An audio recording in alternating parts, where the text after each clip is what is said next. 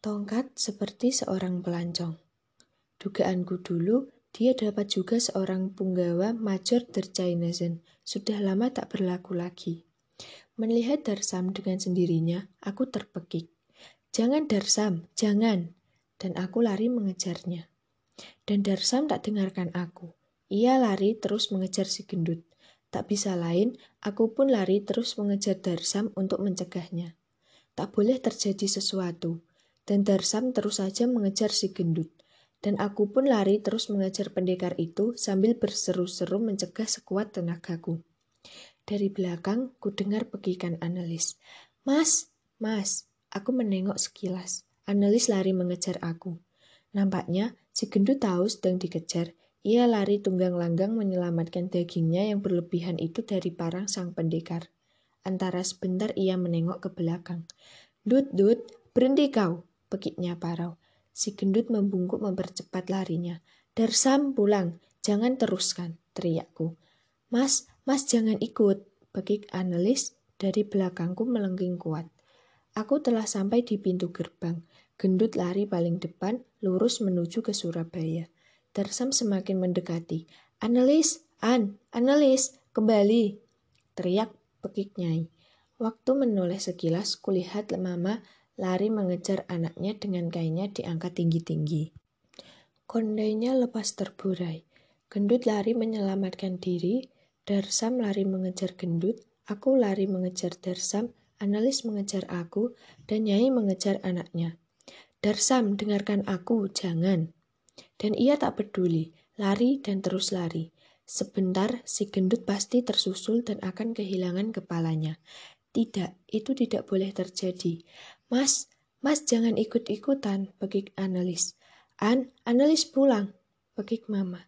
Dan sekiranya gendut lari terus ke jurusan Surabaya, ia pasti mati. Jalanan itu sunyi di hari Minggu, dan sawah-sawah belaka, rumah pelesiran atau suhian ahjong, dan sawah nyai, sawah dan ladang, dan sawah, dan baru kemudian hutan. Rupanya ia mengenal Medan, satu-satunya kemungkinan membelok masuk ke pelataran ahjong. Ia lakukan itu, hilang dari penglihatanku.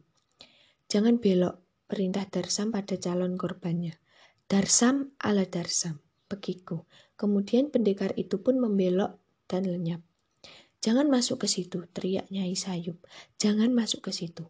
Pekik analis meneruskan. Dan sekarang aku juga membelok masuk ke pelataran Ahjong. Si gendut tak kelihatan, hanya Darsam yang nampak berdiri ragu tak tahu apa harus diperbuat. Pintu dan jendela depan rumah tertutup seperti biasa. Darsam yang kususul terengah-engah, nafasku sendiri tersengal-sengal. Bajingan itu menghilang entah ke mana tuan muda. Sudah mari pulang, jangan teruskan. Tidak bisa, dia harus dikasih pelajaran. Tak dapat dicegah, ia berjalan melalui deretan jendela samping rumah. Mas, jangan masuki rumah itu, pekik analis dari gerbang tetangganya. Mama larang, tapi ia sendiri sudah memasuki pelataran depan dengan sempoyongan. Darsam melihat ke kiri kanan. Ku tarik-tarik dia agar kembali, dan ia tak menggubris. Parang telanjang tak juga disarungkan. Akhirnya aku pun ikut bermata jalang. Ternyata gedung Babah Ahjong tetangga itu lebih besar dan panjang daripada yang nampak dari luar. Di belakang masih ada pavilion panjang. Hampir seluruh tanah yang mengitari adalah taman dengan pepohonan buah dan bunga-bungaan. Semua terawat baik. Jalanan kecil berlapis batu kali belah meretas-retas seluruh taman. Di mana-mana kelihatan bangku kayu, tebal dan nampak berat dicat hitam. Sekilas kulihat sepasang orang. Mereka tak melihat kami. Pemandangan demikian tak pernah nampak dari luar. Tertutup pagar hidup tinggi, tebal bersap-sap. Darsam membelok ke kanan, melingkari belakang rumah utama. Tak ada nampak orang di dekat-dekat sebuah pintu belakang terbuka lebar. Di belakangku, analis sudah melewati deretan jendela samping rumah. Sekarang seruan Nyai semakin terdengar jelas. Jangan, jangan masuki rumah itu.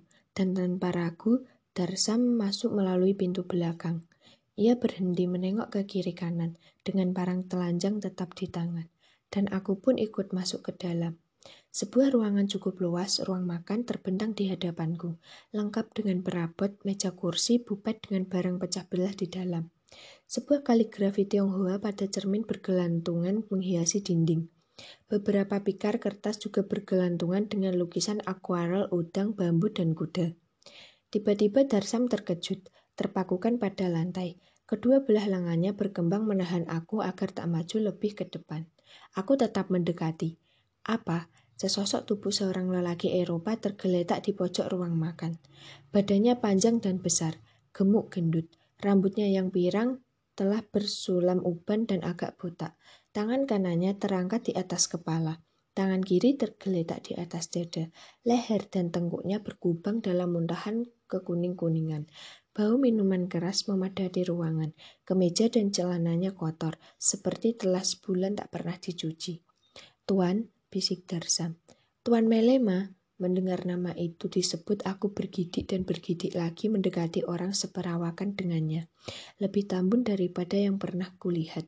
Tergeletak seperti topo di pojok. Tubuh itu mungkin dalam keadaan mabuk luar biasa atau tertidur setelah muntah. Darsam mendekat, berjongkok dan meraba-rabanya dengan tangan kiri. Pada tangan kanannya, parang telanjang itu masih tetap siaga. Tubuh itu tetap tak bergerak. Darsa menggoyangkannya, kemudian merabai dadanya. Aku menghampiri. Memang Tuan Melema. Mati, desis pendekar itu. Baru ia menoleh kepadaku, meneruskan desisnya. Mati, Tuan Melema mati. Dan keseraman pada wajahnya sekaligus hilang. Analis muncul di pintu berseru parau kehabisan suara tersengal-sengal. Mas, jangan masuki rumah ini. Aku keluar, turun dan menariknya pada bahunya. Mama datang juga megap-megap. Mukanya kemerahan dan rambutnya kacau terburai ke mana-mana. Pada kuping, muka, leher, dan punggung, ia bermandi keringat. Ayo pulang semua, jangan masuki rumah terkutuk ini. Bisiknya megap-megap. Tuan muda, panggil Darsam dari dalam. Jangan masuk, sekarang aku yang melarang analis dan mama. Dan aku masuk. Darsam sedang menggoncang-goncangkan tubuh Tuan Melema. Parang telanjang itu masih juga pada tangan kanannya. Memang sudah mati katanya. Tak ada nafas, darahnya sudah berhenti. Analis dan mama ternyata sudah ada di belakangku. Papa, bisik analis. Ya an, papamu. Tuan, bisik Nyai. Mati, Nyai, Noni, Tuan Melema mati. Dua wanita itu melangkah lebih maju kemudian berdiri termangu. Bau minuman keras itu, bisik Nyai. Ma, An, perhatikan bau minuman keras itu, bisik Nyai lagi tanpa maju lebih jauh. Masih teringat olehmu? Seperti pada Robert, ma. Ya, waktu mulai jadi sinting juga, sambung Nyai. Juga seperti pertama kali Tuan jadi begitu, jangan dekat, An, jangan. Mendadak semua mengangkat pandang mendengar suara langkah seorang wanita, dan mereka melihat seorang perempuan berkimono kuning berkembang besar-besar merah dan hitam. Kulitnya lebih banyak putih daripada kuning, wanita Jepang. Langkahnya pendek-pendek dan cepat menuju ke arah kami. Kemudian ia bicara pada kami dalam Jepang dengan suara bening dan mengikat. Kami tiada mengerti. Sebagai jawaban, aku menuding pada mayat yang menggelerak di pojok ruang makan. Ia menggeleng dan bergidik. Balik kanan lari dengan langkah pendek-pendek, lebih cepat masuk ke dalam melalui koridor. Kami mengikuti dengan pandang terheran-heran. Itulah untuk pertama kali aku melihat perempuan Jepang. Mukanya yang bundar, mata sipit, bibir berginju merah dadu, bergigi mas sebuah, rasa-rasanya takkan bisa terlupakan seumur hidup. Tak lama kemudian dari koridor yang sama, muncul sesosok tubuh lelaki jangkung seorang Indo kurus bermata cekung. Mama, bisik analis. Robert, ma, Baru aku mengenal kembali pemuda gagah itu kini telah berubah begitu mengagetkan. Memang Robert, mendengar nama Robert disebut Darsam terlonjak dari jongkoknya. Lupa pada mayat Tuan Melema. Nyo, pekik Darsam. Robert berhenti seketika. Matanya membelalak. Begitu mengenali Darsam dengan parang di tangan cepat, ia berbalik dan lari. Darsam mengejar. Analis, Nyai dan aku terpakukan pada lantai, terpukau. Sekilas dalam bayanganku nampak Robert tergeletak bermandi darah, mengangakan luka bacok. Namun, tapi tidak. Darsam datang lagi, menyeka kumis dengan lengkan, wajahnya ganas. Dia lari nyai, masuk ke kamar, lompat keluar jendela entah ke mana. Sudah Darsam, sudah. Baru nyai bisa bicara, Jangan teruskan gila-gilaan seperti itu. Dia anakku. Suaranya gemetar. Urus tuanmu itu. Baik, Nyai. Analis memegangi lengan ibunya kukuh-kukuh. Begitu. Desis Nyai menahan murka. Tak ada yang beres jadinya. Kau pulang, An. Apa aku bilang? Jangan masuk ke sini. Rumah masyak terkutuk ini. Angkat bawa pulang tuanmu itu Tarsam. Pinjamkan kereta sini. Perintahku pada Tarsam. Baru pendekar itu memasukkan parang ke dalam sarungnya dan pergi keluar. Kini Nyai nampak tegar memandangi mayat tuannya, sedang analis dengan sendirinya menyembunyikan muka pada dada ibunya. Diurus baik-baik tidak mau, lebih suka diurus tetangga. Ah jong, ah jong. Nyai berseru, ah jong babah. Dan yang dipanggil tak kunjung muncul. Darsam masuk lagi menggerutu. Penjaga kurang ajar itu tak mau pinjamkan tanpa izin. Di mana Babah? Tak ada di sini katanya. Ambilkan kereta sendiri, biar aku yang pergi, kataku. Tunggu kalian berdua di sini, katanya. Biar aku yang pulang. Ayo pulang, An. Dan ditariknya anaknya. Dua perempuan itu bergandengan tangan, pimpin memimpin meninggalkan rumah pelesiran Ahjong melalui pintu belakang. Mereka tak indahkan mayat Melema yang terkapar menganga. Pada waktu itu dapat kusaksikan betapa Nyai telah patah harang dengan tuannya. Menjamah pun ia tak sudi, biarpun mayat itu adalah ayah anak-anaknya sendiri. Betapa ia tak dapat memaafkan. Dimulai dengan baik, tuan muda, ditutup dengan begini menjijikkan, gerutu Darsam. Yang diburu luput, yang didapat keparat. Baru kemudian terdengar keributan dalam kamar-kamar. Tak lama setelah itu terdengar perempuan-perempuan berlarian. Sundal-sundal Babah Ahjong, desis Darsam. Lima tahun Tuhan bersarang di sini, mati di sini juga. Mati di sarang sundal. Uh, tuan-tuan melema. Lima tahun Nyai menahan geram, sampai matinya dia tak mau peduli. Manusia sampah. Darsam meludah ke lantai. Dan Robert juga di sini, di bawah satu atap dengan sundal-sundal sama manusia keparat. Mama mesti biayai semua ini. Setiap bulan rekening datang. Jangan ganggu mayat itu, tegahku terlambat. Sebuah kereta datang, bukan analis, bukan mama. Empat orang agen polisi dan komandannya. Seorang Indo.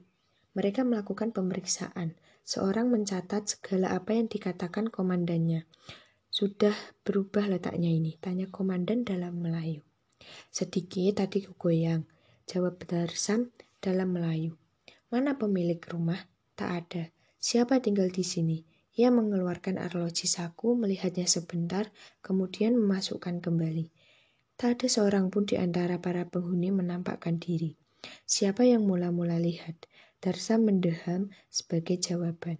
Bagaimana ceritanya? Maka seisi rumah Borderidge bisa datang ke sini, tanyanya dalam Madura. Jantungku berdebaran kencang. Tak urung akhirnya jatuh jadi perkara kepolisian juga dan semua akan terlibat dalam kesulitan. Aku sedang cari si gendut. Siapa si gendut? Orang yang mencurigakan.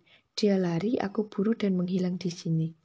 Darsa menerangkan, kau memasuki rumah orang dengan izin. Tak ada orang waktu kami datang. Semua orang juga bisa masuk ke sini tanpa izin. Ini rumah pelesiran. Tapi kalian bukan untuk berpelesir datang kemari. Tadi sudah kubilang. Darsa mulai tersinggung datang mengejar si gendut. Barangkali orang pelesiran sini. Komandan itu tertawa mengejek dan agen-agen lain mengangkat mayat. Tak kuat, Darsam ikut membantu, hanya untuk menghindari pertanyaan. Baik, siapa nama kalian? Juga Darsam, juga aku diangkut bersama mayat dalam kereta Kuberman. Pengusutan lebih mendalam dilakukan atas diri kami.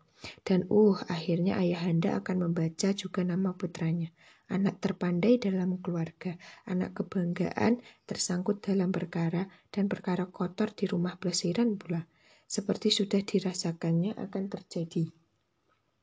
Pada hari itu juga didapatkan kepastian, Tuan Melema mati karena keracunan, muntahan dan kerusakan pada selaput lendir mulut dan tenggorokan menunjukkan adanya kenyataan itu. Menurut penyelidikan Dr. Martinet yang dipanggil untuk memberikan visum, peracunan telah terjadi lama dalam dosis rendah, sehingga korban menjadi terbiasa karenanya. Pada hari kematiannya, mendiang telah mendapat dosis kelewatan 2-3 kali biasa. Dan benar saja, berita mulai tersiar di hari-harian. Matinya salah seorang hartawan terkaya Surabaya pemilik Borderidge Winterjog, Tuan Malema mati di rumah pelesiran Babah Ajong di Wonokromo. Mati dalam muntahan minuman keras beracun, dan nama kami disebutkan berulang kali. Juru warta berdatangan ke tempat kami. Pribumi Tionghoa, Indo, dan Totok. Mama dan Annelies tak memberi jawaban. Aku yang melarang mereka membuka mulut. Dan di jalanan sana orang pada menonton rumah kami. Ya kami mulai jadi tontonan. Tak ada di antara kami ditahan. Kesempatan itu kupergunakan untuk menulis laporan yang lebih benar tentang kejadian tersebut. Diumumkan oleh SNVDD. Di kemudian hari ku ketahui, laporan-laporanku membuat tiras harian tersebut meningkat. Kota-kota lain minta juga koran Surabaya itu, karena dianggap sebagai sumber terpercaya. Matinya seorang hartawan tidak wajar selalu menimbulkan banyak duga sangka. Cuti seminggu dari sekolah pergunakan untuk menulis, membantah berita-berita tak benar dan bersirat. Namun muncul tulisan dan berita lain yang katanya berasal dari pihak kepolisian. Polisi mengadakan penjajakan dan pengejaran terhadap si gendut dan Robert Melema. Sulung keluarga Melema diduga keras melakukan persekongkolan pembunuhan terhadap ayahnya sendiri. Siapa si gendut? Suatu kali harian Melayu Tionghoa mengumumkan. Di dalamnya disebut kemungkinan singgah yang baru masuk ke Jawa secara gelap. Boleh jadi anggota dari apa yang menanamkan diri Angkatan Muda Tiongkok bermaksud enggak hendak merubuhkan kekaisaran. Salah satu ciri tidak berkuncir, sedang si gendut memang tidak berkuncir. Boleh jadi dia datang ke Jawa karena diuber-uber polisi Inggris di Hong Kong atau Singapura. Sekarang membuat onar Surabaya. Tindakan tegas Seyogyana dilakukan terhadap pendatang gelap, apalagi si tanpa kuncir yang jelas punya maksud jahat. Dugaan yang didasarkan pada isapan jempol. Jawabku terhadap koran Melayu Tionghoa tersebut. Dia memang sipit, agak sipit. Itu bukan ciri khas Tionghoa satu-satunya. Dia tak berkuncir, juga tak mesti dapat ditafsirkan sebagai angkatan muda Tiongkok. Akibat tulisan itu, polisi mengusut SNVDD tentang si gendut. Martin Nitzman menolak memberikan keterangan, juga karena ia sendiri memang tak tahu duduk perkara. Untuk itulah ia masuk ke sekapan selama tiga harmal. Miriam dan Sarah Delacroix menyatakan simpati keluarga mereka padaku pada kami dan yakin kami tidak bersalah. Di dalamnya tertompang salam Herbert de la Croix dan harapan semoga kami dapat menghadapi semua cobaan dengan tabah dan dapat melewati semua dengan selamat. Surat bunda yang mengibarkan menyatakan berduka, Cita di samping menyampaikan murka ayahanda yang sudah sedemikian memuncak sampai keluar dari mulut tak sudi mengakui sebagai anak dan sendiri mengirimkan surat pada Tuan Direktur HBS Surabaya menyatakan mengeluarkan aku. Dalam surat susulan Bunda juga tertulis dalam bahasa dan huruf Jawa disebutkan, aku belum tentu bersalah. Semoga malah bisa jadi orang yang akan menyelesaikan perkara dan bahwa Tuan Asisten Residen B datang pada ayahanda untuk menyebarkannya dan menyampaikan kata-kata tersebut. Dan bahwa tinggalku di Borderidge Windsor belum tentu punya persangkutan dengan kemesuman. Bahwa suatu perkara bisa jadi akibat perbuatan sendiri, juga tak jarang suatu kecelakaan belaka yang bisa menimpa setiap orang, tak ada orang yang dapat mengira-ngirakan kapan kecelakaan bakal tiba. Ayahanda tidak membantah. Pada putra-putrinya ia berkata, siapa saja di antara anak-anaknya berurusan perkara dengan polisi, dia adalah menghinanya maka tak patut ada di dekatnya lagi. Semua surat itu kubalas. Terhadap ucapan ayahanda kutulis, kalau itu yang dikehendaki, ayahanda apa boleh buat. Maka sekarang aku akan berbakti hanya pada seorang ibu. Abangku menulis, Bunda bermandi air mata, membaca surat balasanku, menangisi sikapku mengapa menghadapi ayah sendiri yang sudah begitu murka dengan sikap begitu tidak berbakti. Seakan seorang ayah tidak pernah mengharapkan sesuatu yang baik untuk putranya sendiri. Kau putranya, kau yang muda, kau yang harus mengalah. Dan surat abangku tidak kubalas. Biarlah ayahanda bebas dengan amarah dan sikapnya sendiri. Lagi pula aku tak begitu kenal ayahku. Sejak kecil aku aku ikut nenenda, maka ayahanda lebih banyak hanya tinggal sebutan. Dalam setiap penghidupanku, ia lebih banyak menuntut diakui kewibawaannya sebagai ayah. Terserahlah padanya sendiri. Aku tak ada urusan dengan amarah dan sikapnya. Adapun ayahanda mengeluarkan aku dari HBS, itu memang haknya. Dan HBS bagi pribumi hanya mungkin kalau ada orang berpangkat menanggungnya. Hanya yang menanggung aku bukan ayahanda, tapi almarhum nenenda. Dan belum tentu tuan direktur dapat membenarkan. Kalau membenarkan pun, apa boleh buat? Aku sudah merasa punya perbekalan cukup untuk belajar sendiri, cukup kuat untuk memasuki dunia dengan kaki sendiri. Empat hari setelah ditemukan mayat Tuan Melepa, penguburan dilakukan di pekuburan Eropa di Peneleh. Kami semua ikut mengantarkan. Sebagian terbesar pengantar adalah penduduk kampung-kampung perusahaan. Tujuh orang juru warta ikut pula menyaksikan, juga Dr. Martinet, juga Jan Marais dan Telenga. Pelaksanaan penguburan dilaksanakan oleh perusahaan penguburan Verbruch. Dr. Marin Martinet mengambil tugas sebagai wakil keluarga Melema. Dalam upacara penguburan, ia menyatakan sangat berduka cita melihat cobaan-cobaan berat yang menimpa keluarga Melema, terutama Nyai Ontosoro dan analis selama lima tahun belakangan.